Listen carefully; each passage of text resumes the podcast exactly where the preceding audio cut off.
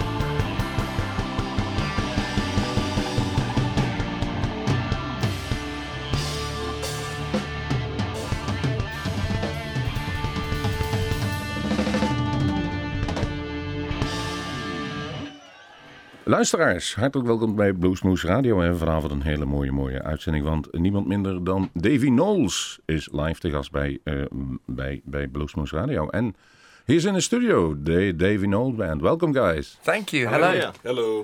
Michael, Marvin, Andrew and a certain guy is called Davy. It is, it is a long time. Um, you've been in Holland 2010 or 2009? I think it was 2009. A one-off a one off. It was a, a, really memorable one off, though. Uh, we were over in Amsterdam uh, playing with Joe Satriani and Sonny Landreth, which was just an amazing experience, but it's been way too long, way too long. Yeah, now eight years later, you're back for the first time, and uh, yeah. not without reason, because the Moulin Blues Festival had you over yesterday. And um, in Vlissingen, you played a, a, hell of a set, and ah. well, you had a free Sunday, so then is the Bluesmoose the way to go. Absolutely, yeah, I want to play.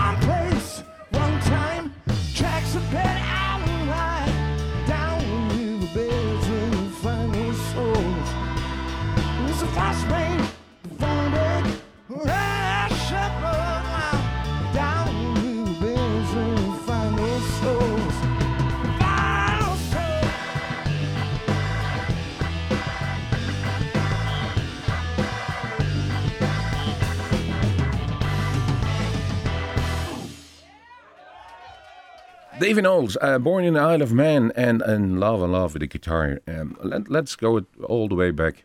Um, sure. Who taught you to play up a guitar? What take you took you to, to take up a, a, guitar and play the music you do now? Well, um, I wanted to play guitar after listening to Dire Straits. So Martin Knopfler was kind of the start of it all. Um, I was 11. My dad played me a cassette tape of it was Sultans of Swing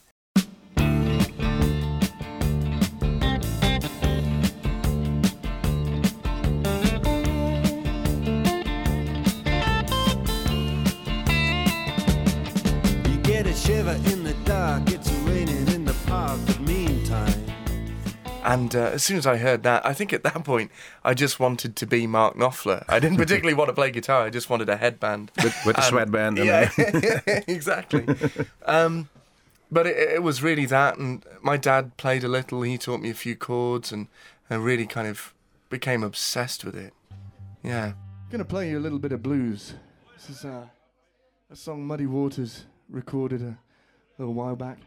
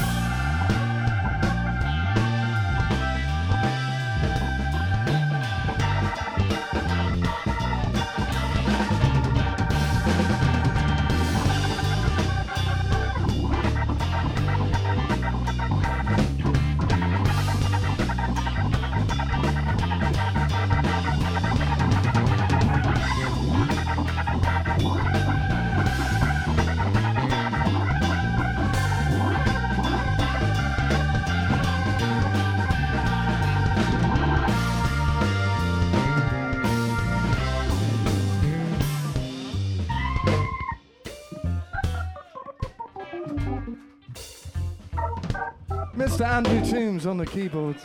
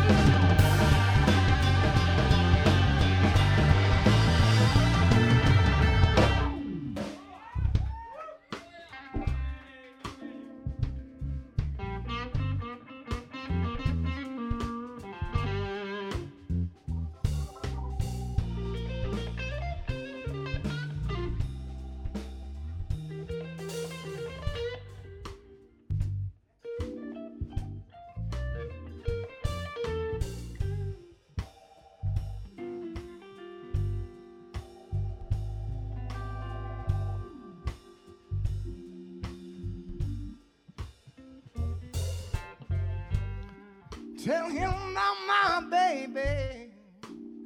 Ran away with a garbage man.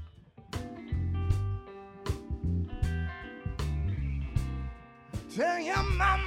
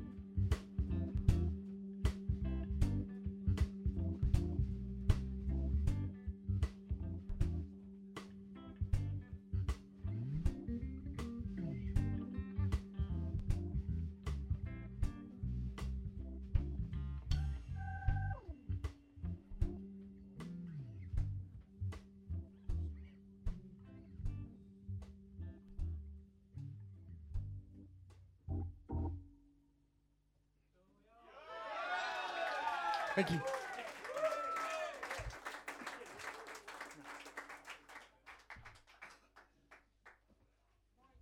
You guys doing all right? Doing okay? Yeah. You, you, you did teach yourself, or was it musically schooled? Well, no, I, I, I don't think I don't think anyone teaches themselves. I, I think that's kind of a um, okay. It, it doesn't really apply ever. I, I didn't have any formal training.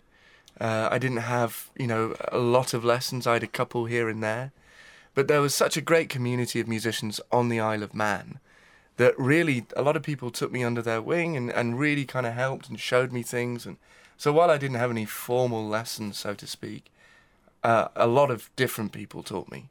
Is there also a music scene of the Isle of Man? It's a great music scene for such a small place.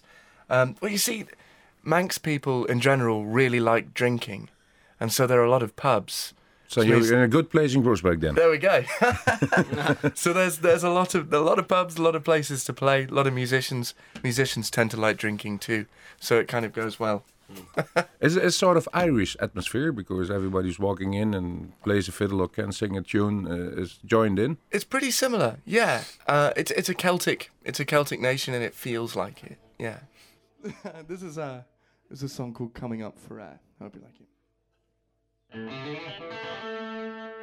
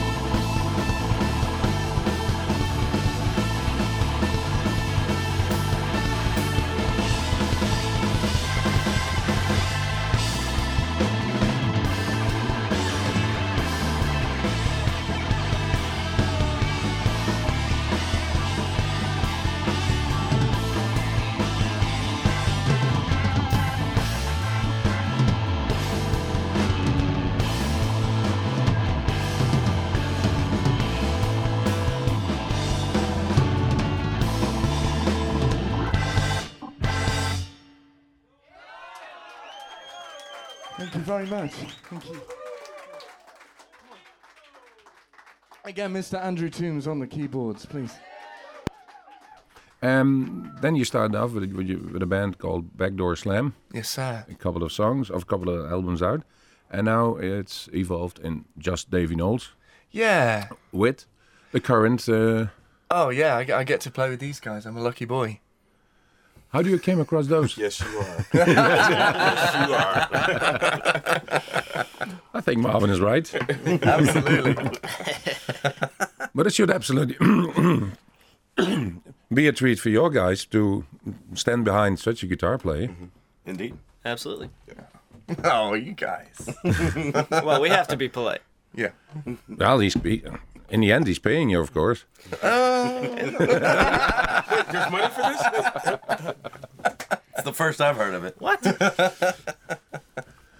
Absolutely deep rooted in the blues and rock. Yeah. And you got a new EP out or uh, album? Yeah, so we uh, we released a, a full length studio record um, last October uh, called Three Miles from Avalon, which was just a, a real blast to, to, to record. It was, you know, we the the album before that for me had taken so long, and you know, it's such a long process that uh, this one I wanted to be, you know, the band sounds great. Let's get them in a studio, three and a half days of tracking and you know, minimal overdubs. Let's let's not labour over this and force something. Let's try and capture something, kind of in the old school way, you know, all to tape, all analog, and um, I'm really really proud of it. I think it's it's my favourite record, but might be biased because it's the newest. But um, I just released a, a little acoustic EP. I've got an old National steel guitar, and uh, I've had that for a long time and never really. Uh, never really given it the, the attention it deserves on its own. It's such a unique instrument. So I'm proud to have that out now too. Well, uh, I grew up on the Isle of Man in the Irish Sea, and uh, I grew up listening to, I think, one of the most underrated uh, guitar players of all time, uh, an Irish chap called Rory Gallagher.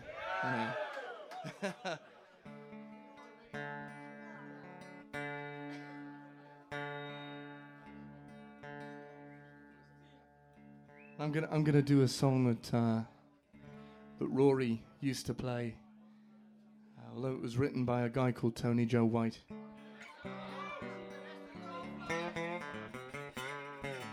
It's a song called "As the Crow Flies."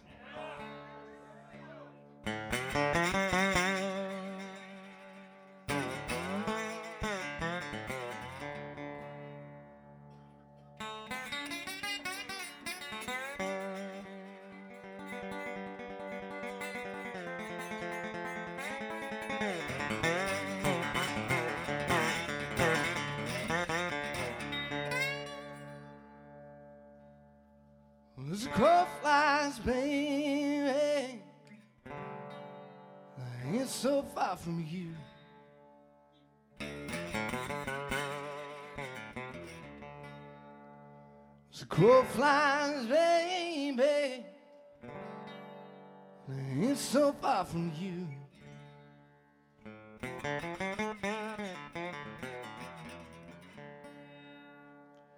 Since I don't have wings, I can't get home as fast as I want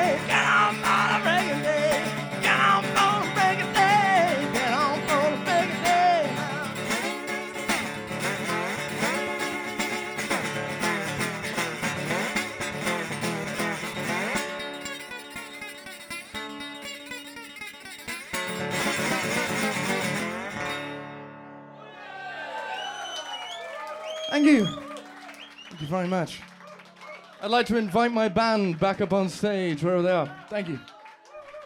Why takes one record longer than the other one? sometimes it's things out of your control. Um, you know, sometimes it's a music business thing, and you know uh, you're not quite sure what to do. Or sometimes it's a, even a producer thing. Things take a little longer, and um, uh, this one just for some reason just seemed to stretch on and on and on. And uh, not to say I, I'm The not proud of. Yeah, the outsider. Yeah, not to say I'm not proud of it. It was just uh, quite a laborious process. Mm. Um, what's the advantage of having a good producer uh, in the studio? Because you you already have, should have an idea how you, the song is being sounding or how it should be sounding, and what is and a, a producer adding to that. A producer can be a lot of different things, right? I mean, i everything from calling all the shots and making real musical decisions about chord qualities or the style of a song, or it could be just a person. It could be, um, you know, in, in making the last record, the the person engineering would um, sometimes just give a little subtle guidance. It's just nice to have somebody. In in that case, it was nice to have somebody to say, "Yes, guys, I think that was the take," or "Why don't you do another?" Uh, Simple, or you know, we've all heard about you know totalitarian producers. Or to protect you from being blinded from your own ideas. Yeah, I like to use the term when I'm because I, I do a little bit of production as as does Mikey uh, as, as well. I, I like to call it um, the producer, the project manager, um, almost. And, and I think the best producers are are just simply that. They're the project manager. They they know the right people. They they know the right things to say, the the, the right timing to, to kind of make things happen or not make things happen.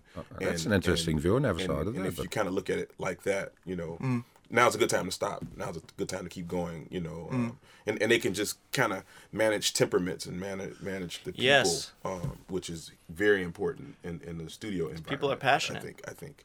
That, that would be my next question because um, yeah, musicians can be uh, sometimes a little awkward or yeah, No, how dare you?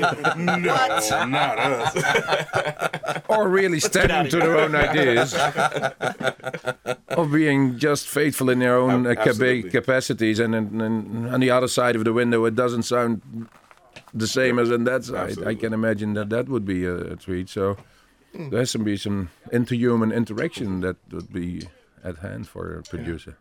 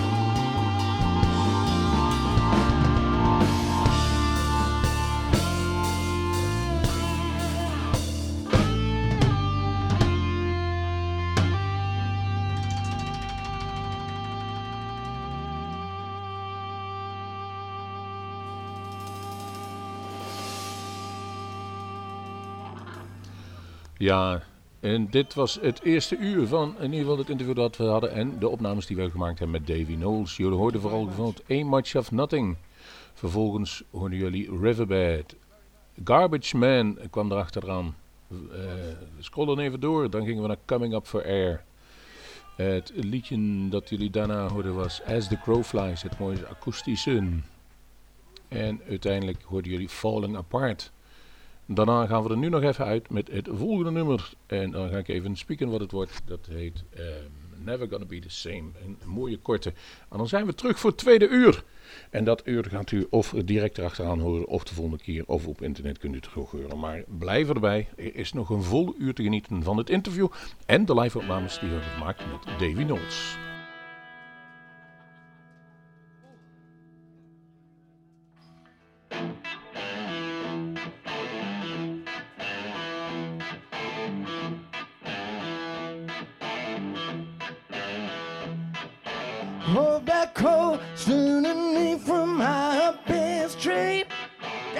Got a fifth of right, blame for a crime. I don't know wasn't me. I'm a broken man, wasn't always that way. Maybe a man, but it's never gonna be the same. Taking my chances, hopping over fences, out here